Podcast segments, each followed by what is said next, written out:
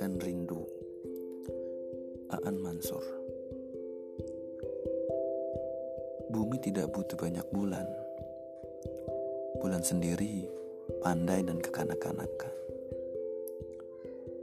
Dia bisa jadi pisang Ambon, mangkuk pecah ibumu, atau martabak kutu jika kau lapar.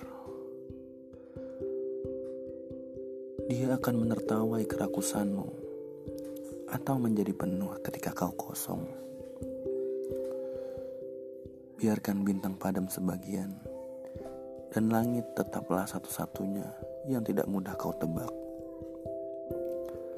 Langit yang lapang dan dalam akan berterima kasih kepada tubuhnya karena kau punya mata dan benak. Juga ungu tato yang kau sembunyikan di balik malumu yang pura-pura. Langit tampak cantik karena mobil yang kau tumpangi bergerak cepat.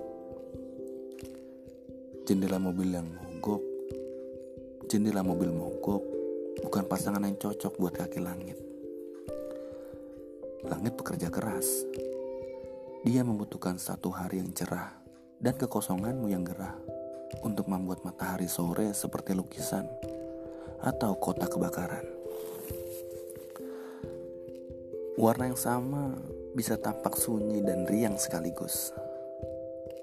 Langit paham hal semacam itu.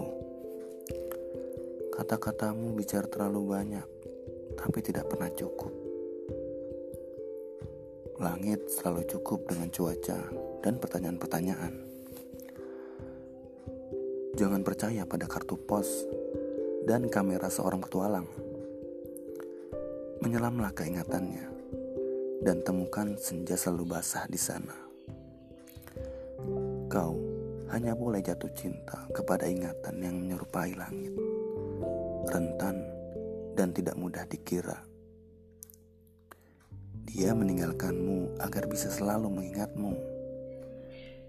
Dia akan pulang untuk membuktikan mana yang lebih kuat, langit atau matamu.